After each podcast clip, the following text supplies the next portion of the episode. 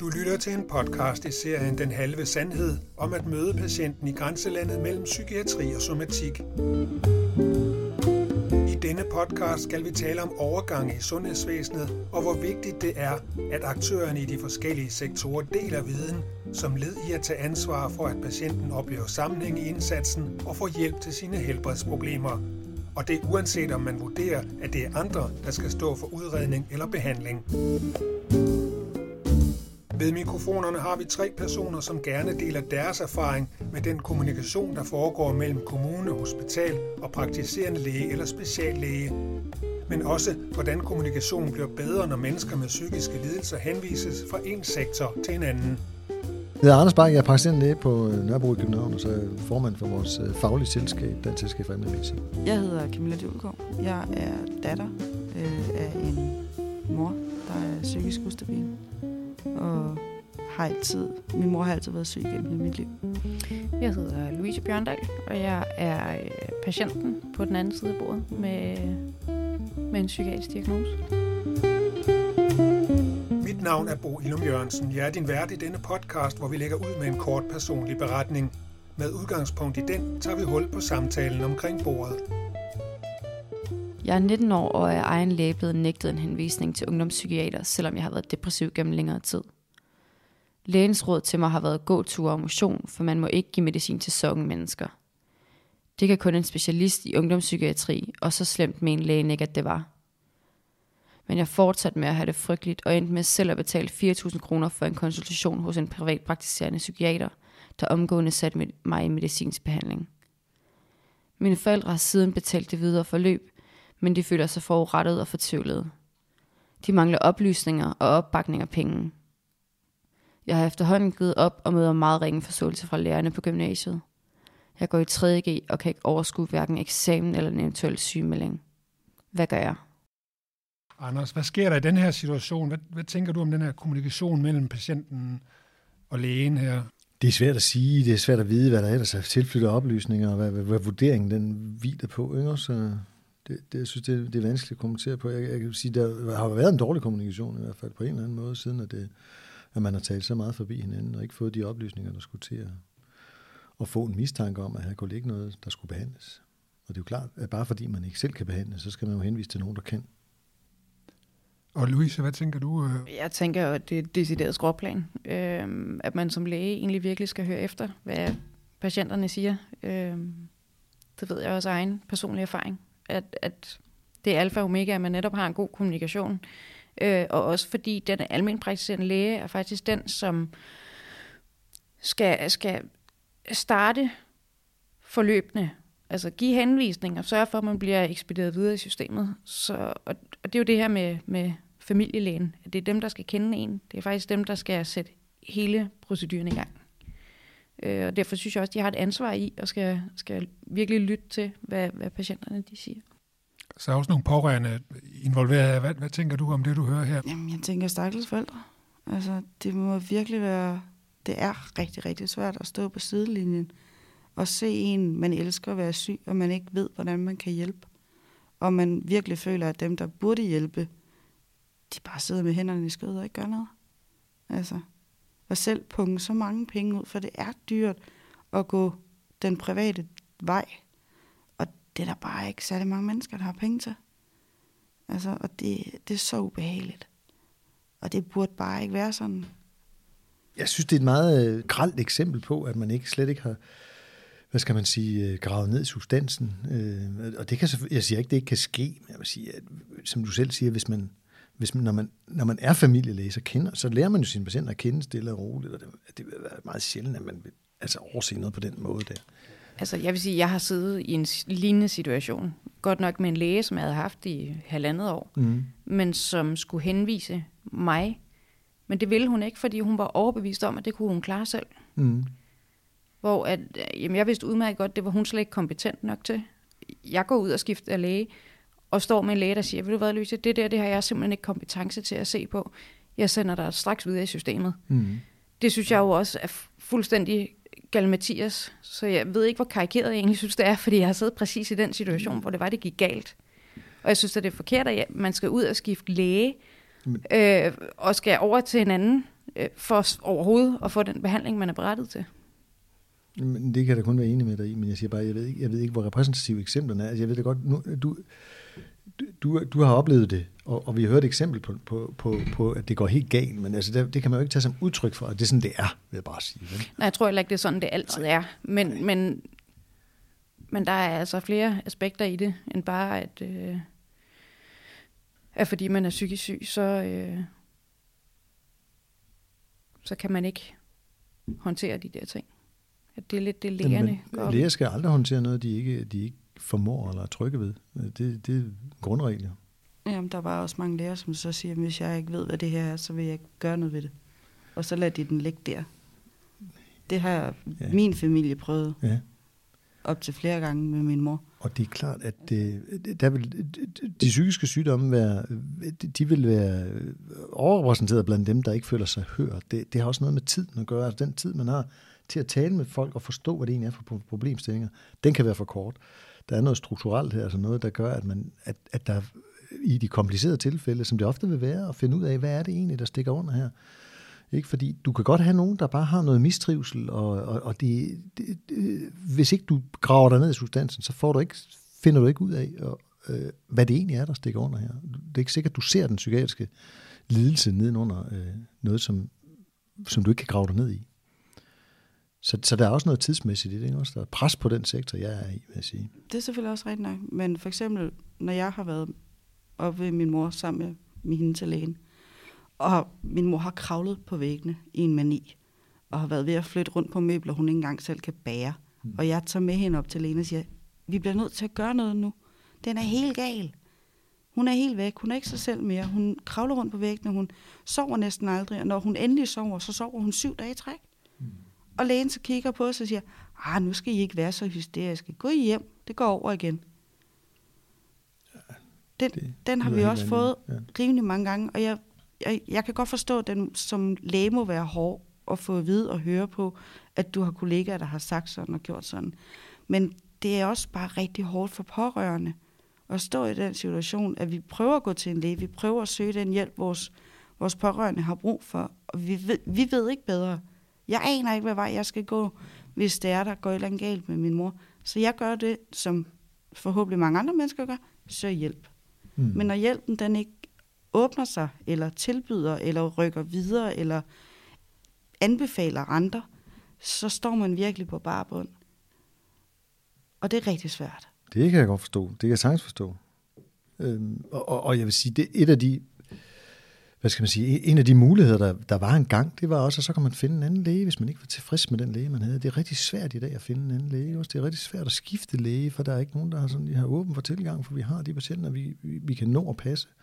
Så, så når der kommer pres på, så, så mister man også den der, hvis man har mistet tilliden til sin læge, som du, det lyder lidt som om, at man, der, mangler, der mangler en tillidsrelation der, så kan man ikke bruge hinanden, han har sagt. Man kan, ikke bruge, man kan ikke bruge lægen længere, og man kan ikke rigtig finde en anden. Det er et kæmpe stort problem. Det var en del af hvad skal man sige, kvaliteten, før det var, at man kunne skifte læge. Hvad er udfordringen så, Anders, i forhold til, hvis nu du tårholder på en patient, som, som vi hører om her, hvad er så udfordringen i forhold til at sende vedkommende videre i systemet? Altså, hvad skal man gøre for at gøre det rigtigt? Der, der er masser af udfordringer. Altså, for eksempel kan man ikke indlægge folk akut psykiatrisk. Altså, det er jo absurd, at man ikke at man ikke har retten til at indlægge folk. Der er nogle håndtag, der mangler, når man sidder ude som praktiserende, skal jeg sige. Ikke? Man kan, man kan indlægge folk akut, hvis man tror, de har noget med maven eller hjertet. Men hvis de har et akut psykiatrisk behov, så kan man sige, at de kan tage på psykiatrisk skadestue, men man kan ikke få lov, og man, man kan sådan set ikke få lov til at få afleveret den her patient akut. Ikke? Det er jo også et, et absurd system, at der ikke er et sted, man ligesom kan overlevere til. Det kan jo godt betyde, at man føler sig, sidder og føler sig lidt magtesløs over for systemet. Hvis man skal henvise til en psykiater ude i byen, så kan det være rigtig lang ventetid. Ikke også? Det behøver ikke at, det, det er forskelligt, hvor man er henne i landet. Øh, nogle steder er der, er, kan der være et års ventetid på at få hjælp til at, at diagnostisere eller, eller, eller behandle. Så, der, så der, er mange, der er mange forhindringer, fordi det psykiatriske system er underprioriteret. Og det er klart, det kommer til at smitte af nogle gange selvfølgelig på ens, øh, hvad skal man sige, opfattelse af, hvad kan jeg gøre her? Hvad kan vi gøre? Jeg siger ikke, at det undskylder noget, men jeg siger bare, at det, det, det, det er et faktum, at øh, mens hospitalerne står åbne for akutte henvendelser for alt muligt andet, det gør de altså ikke her. Det er noget med, at folk selv skal tage initiativ og, henv- og, og, og, og henvende sig. Det er jo en, det er jo en mærkelig nedprioritering af det akutte område her. Jamen, det er det helt bestemt. Altså, jeg har været med til at tvangsindlægge min mor. Ja, Øhm, fordi at, ja, det var gået helt galt. Og hendes egen læge kunne ikke gøre noget. Fordi, ja, igen, de vidste ikke, hvad de skulle gøre. Men når der nu, hvis der nu er en somatisk øh, problematik indover, så kan du jo godt øh, sende folk videre i systemet, ikke? Øh, Hvad, hvad, sender du, hvad sender du med i så i for eksempel til, til sygehus, eller hvor du nu øh, vælger at indlægge, øh, altså, indlægge normalt- sende patienten hen, rent Hvis sådan, der, hvis, du, hvis der kommer en patient med, og jeg tænker, her bliver man nødt til at indlægge på hospitalet, hvis ved- vedkommende har ondt nok i maven til det, så skriver jeg jo. Så laver jeg en overlevering. Jeg skriver, hvad drejer det her så om? Hvad er det øvrigt for en patient? Hvilke hensyn kunne der være at tage? Og så kan man indlægge på hospitalet, så ringer man op og forklarer, hvad det er for noget, og så sender man jo en akut henvisning til hospitalet, som de mod, som, sådan, så dem, der modtager patienten, øh, kan se, hvad drejer det her sig om? Hvad har der været af forløb op til?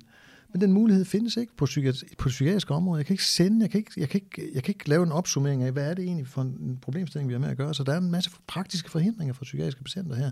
Man kan bare bede folk om at tage på psykiatrisk skadestue, så hvis man så synes, at det her, det skal de forberedes på derude, så skriver man knoglen og ringer derud og siger, prøv at høre, kommer altså en patient sådan og sådan og sådan. Men det kan I kan godt se, det er jo det er en praktisk forhindring, som er, som er en, en absurd, øh, hvad skal man sige, dårlig forhold for psykiatriske patienter frem for andre patienter.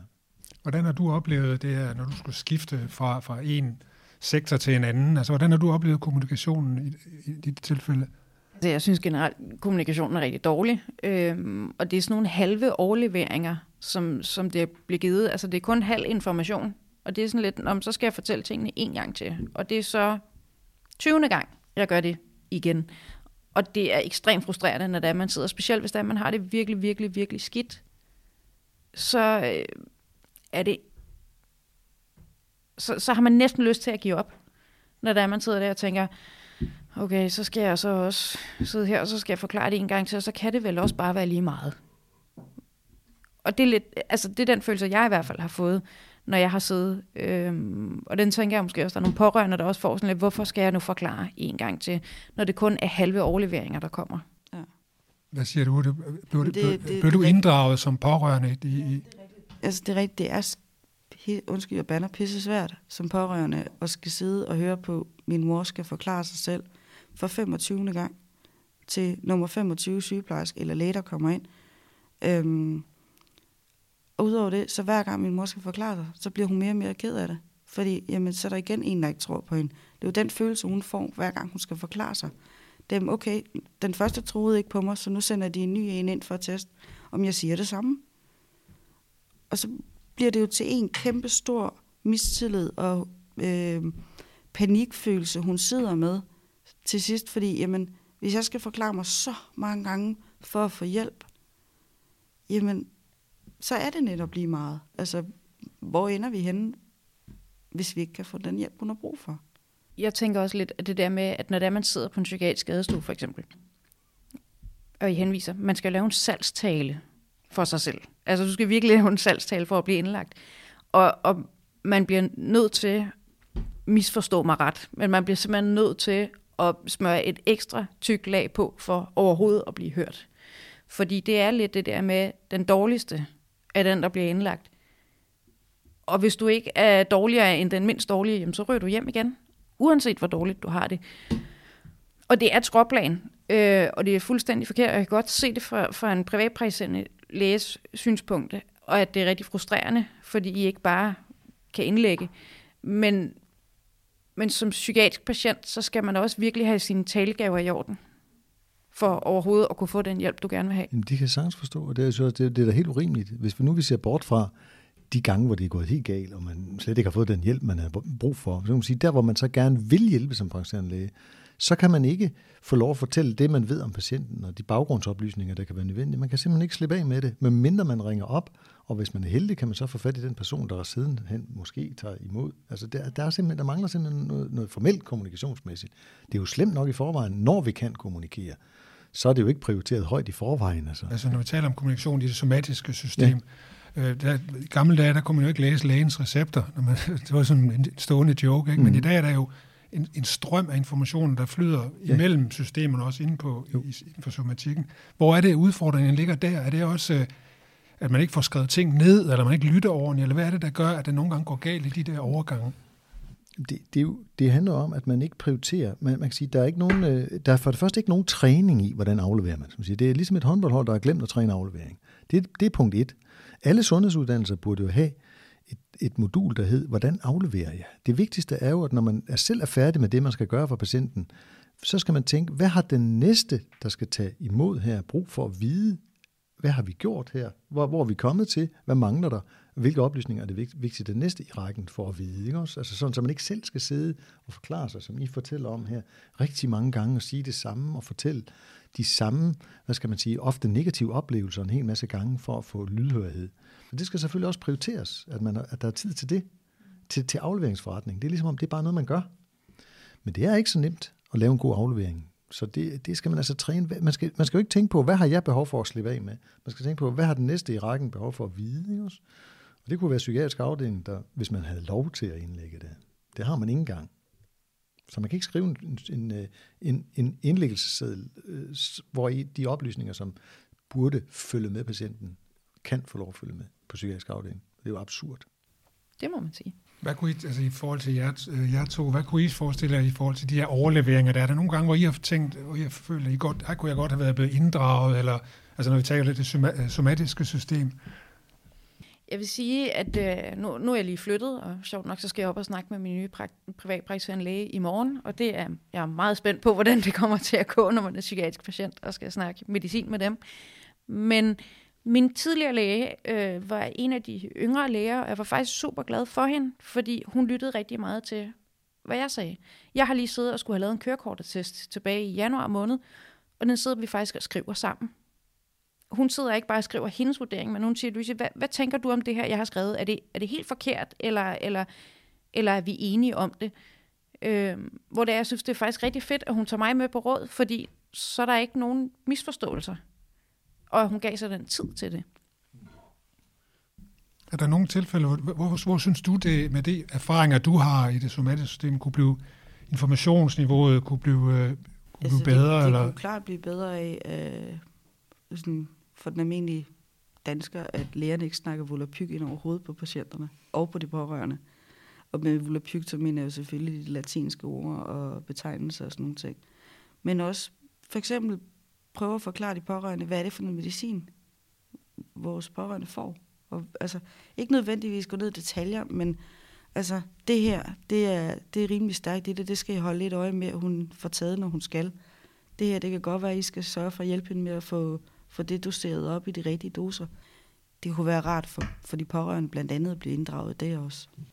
Det kan blive meget, øh, også hvis der man får det hele mundtligt. Der ja. er rigtig mange informationer, som, ja. som kan være rigtig svære at, at håndtere. Og så hvis der er, at man går ind og læser sin e-journal, eller hvad det nu ja. er, så står det netop på latin. Og så er det, at øh, Google bliver ens bedste ven lige pludselig. Men samtidig også, så kan det tydes på forskellige måder, i hvilken sammenhæng. Og, og så kan man faktisk blive rigtig forvirret. Ja. Og det tænker jeg også, man som pårørende måske også sidder ja. og tænker, hvad er det, jeg har rodet mig ud i? Øh, og det gør man i hvert fald også som patient. Men nu, nu, nu snakker jeg også om e-journal og sådan noget, det, og det er jo typisk, det er jo hospitalsmateriale, man finder derinde, ikke? så man finder jo ikke den praktiserende læges journal derinde. Vi, vi, taler, vi skriver meget jævnt, vil jeg sige, i vores journal, og meget liv af landevejen, men, men, men det er jo, man har jo troet, at det vil bare være et gode, at alt var til rådighed for folk, og man kan jo se, at det, det giver jo anledning til stor frustration, fordi mm. journalen er jo ikke skrevet direkte til patienten, kan man sige. Vel? Så når man begynder at læse sin egen journal, så kan jeg godt forstå, at man bliver forvirret. Altså, jeg kan jo nogle gange have problemer med at tyde, hvad der bliver skrevet fra en specialafdeling. Ja. Fordi jeg er heller ikke inde i deres jargon og deres forkortelser og deres øh, betegnelser. Så det er fordi, at man har ville det der åbenhed, og man bare vil lægge alt ud, og folk får prøvesvar, og de bliver redselslagende over. Ikke? Også en eller anden mm. scanning, hvor der står et eller andet, de ikke forstår, så tror de at de fejler noget alvorligt. Ikke? Så det, det, er et, øh, det, det er sådan et område, hvor man har ville den der åbenhed, før, før man ligesom er blevet kommet overens med, hvad kan folk egentlig bruge det til. Og jeg synes nogle gange, at det, det, det, er til mere skade end gavn. At men folk det er det nok også. Sidder og læser men, på noget, men det er det jo også, fordi at den der åbenhed, den er blevet brugt på, at jamen, vi skal være med på det hele alle sammen ja, selv. Ja.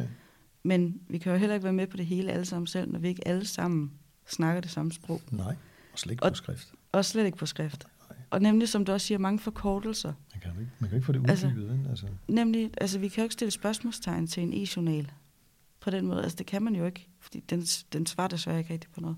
Men jeg tænker også, at hvis det er, at man går ind og læser sin e-journal for at blive klogere, så er det fordi, man ikke er blevet informeret nok af sin ja. læge. Det tænker jeg. Fordi hvis jeg, ikke, hvis jeg, skulle, hvis jeg ville logge ind med NemID og bruge tid og ressourcer på at gøre det, for at tjekke min e-journal, for bare at blive endnu mere forvirret, mm. så handler det om, at jeg ikke er blevet informeret nok fra lægens side. Mm. Men altså, for ellers vil jeg ikke have det behov.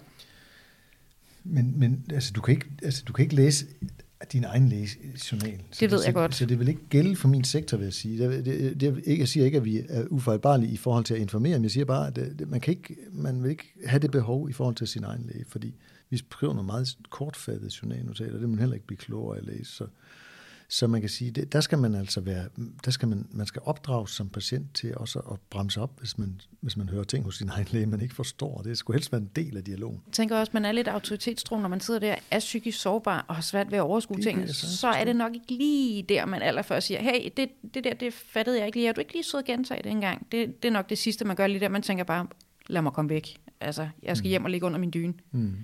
Øhm.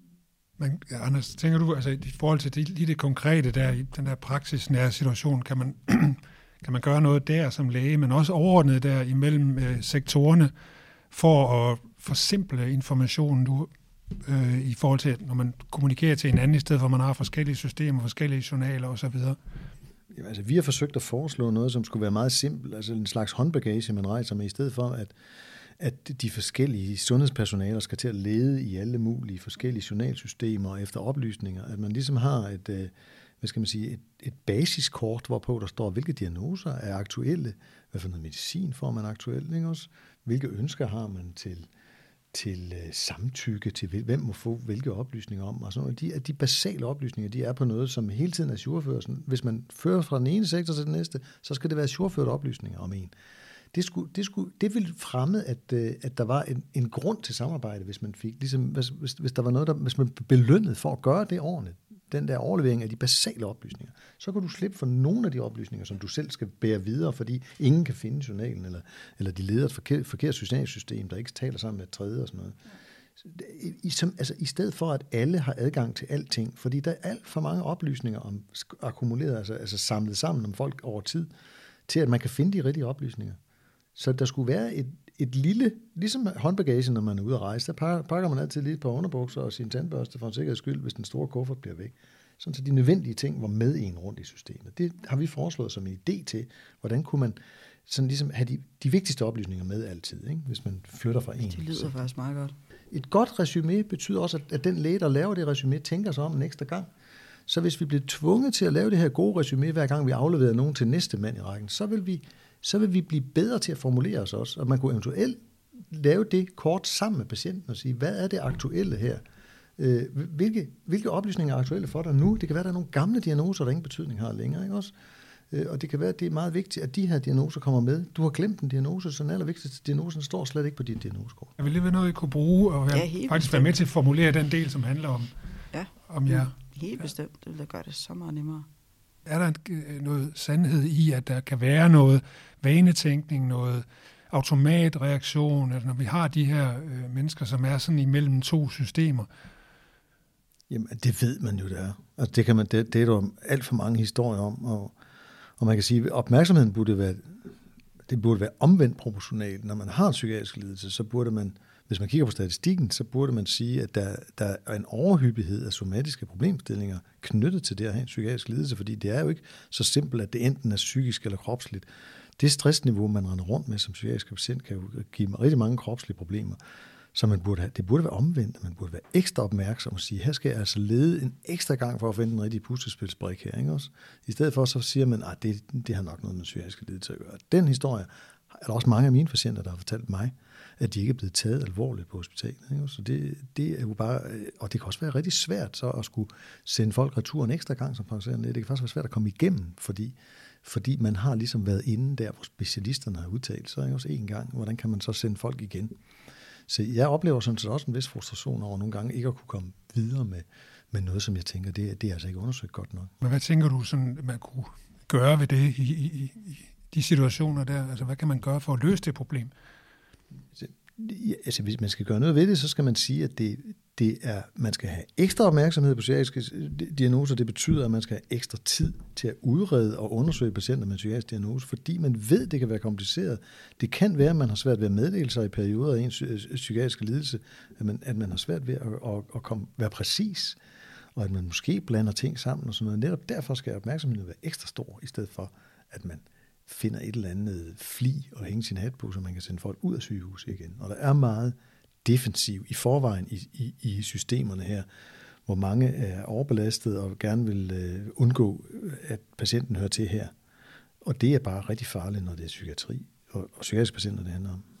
Jeg øh, har egentlig også en, et, et konkret eksempel med, jeg øh, bliver en dag, jeg bliver super dårlig og bliver kørt på Slagelse sygehus og øh, bliver indlagt på akutmodtagelsen, så kommer der sådan en meget sød, ung reservelæge ned og siger til mig, at jeg har haft et, øh, et anfald af noget blodtryk, der er steget voldsomt, og et hjerte, der ikke slår helt, som det skal. Så når han kommer ned, så siger han til mig, han sætter sig pænt ned, og så kigger han sådan på mig, meget pædagogisk, siger til mig, Louise, øh, jeg skal lige høre dig, da du fik det der, var, var det noget, I snakkede om? Jeg kiggede bare på ham og tænkte, hvad? Jamen, jamen, var der noget, du blev ked af? Siger, Prøv lige at stoppe dig selv, sagde jeg så til ham. Så siger han, jamen tror du ikke bare, det var et angstanfald? Det var så der, jeg tabte kæben omkring, ned omkring knæene, og jeg sagde til ham, og jeg lyver ikke, når det jeg siger, jeg sagde til ham, ved du hvad, fedt og fedt fjæs, den der, den kan du godt smutte af med, fordi jeg ved godt, hvad forskellen er på et angstanfald, og hvad der ikke er et angstanfald. Det skal du ikke komme og belære mig om. Så var han stille, så siger han, men jeg kan jo se i dine papirer, at du er diagnostiseret med. Ja, jeg er diagnostiseret med, men det gør mig ikke til at være det. Og jeg blev simpelthen så forarvet, så øh, jeg meget hurtigt sagde, at jeg gerne ville udskrive, så det gjorde han også meget velvilligt. Øh, og, jeg, og jeg blev egentlig bare sendt hjem. Men, men den der, at han havde allerede antaget, inden han havde snakket med mig, at det var det, der var årsagen, det var fordi, det var et angstanfald. I stedet for at spørge mig. Hvad kunne være et godt råd så til, til folk, som du har mødt? Jamen, altså til det somatiske personale, så, så spørg, øh, hvis, hvis der er noget, du ikke ved i stedet for bare netop at antage, at, at tingene er sådan. Så spørg den enkelte, fordi det er nok den enkelte patient, der har det bedste svar. Det er dem, der ved, hvordan de har det. Øh, så vær nysgerrig på det, tror jeg er, er rigtig vigtigt. Spørg, altså, spørg de pårørende. Det er som regel også, der har gået op og ned af dem i flere dage, eller har været hjemme og oplevet dem i et anfald af et eller andet det er fint nok, at I skal snakke med patienterne. Selvfølgelig skal I det. I skal spørge dem om en masse ting. Men når I har gjort det, så kommer over til de pårørende. Og lige spørg, har I noget, I vil tilføje? Fordi mange gange, så glemmer patienten selv at fortælle et eller andet, eller får ikke det hele med. Jeg kan kun sige, at, øh, at man skal jo op, vi, skal jo, vi skal jo uddannes til at forstå, at, at, at psykiatrisk sygdom kan være med sygdom, som er lige så slem som at have en meget alvorlig hjertesygdom for eksempel. Ikke? Også, altså, det, kan være, det kan være noget, som er, kan betyde rigtig meget for den behandling, man nu skal give for en eller anden specifik ting i sundhedsvæsenet. Hvis man nu tænker på det som en alvorlig sygdom, som, hvis, man nu, hvis man bliver indlagt på kirurgisk afdeling, og man har en alvorlig hjertesygdom, så vil det helt sikkert blive taget hensyn til, hvad kan man tåle, og hvad, kan, hvad, hvad betyder det for behandlingen af min kirurgiske sygdom? Der skal man tænke, at psykiatrisk sygdom kan være mindst lige så alvorlig som at have en alvorlig hjertesygdom, når man bliver indlagt på en kirurgisk afdeling. Altså den, den, det billede skal man have som sundhedspersonale, og det, skal, det kan jo kun ske ved, at, vi, at man kan sige, at hele det psykiatriske felt får den status, det skal have, for så længe det har sådan en lav status her i hele samfundet, kan man sige, og prioriteringsmæssigt, så får det heller ikke høj status blandt sundhedspersonale, desværre. Altså, det, der er nogle signaler, som sendes fra toppen af vores samfund, som gør, at det ikke prioriteres højt, og det smitter altså af på os som sundhedsprofessionelle. Så det er svært at komme igennem. Tak fordi du lyttede til podcasten Den Halve Sandhed om at møde patienten i grænselandet mellem psykiatri og somatik. Du kan finde mere information om ulighed i sundhed på enafos.dk.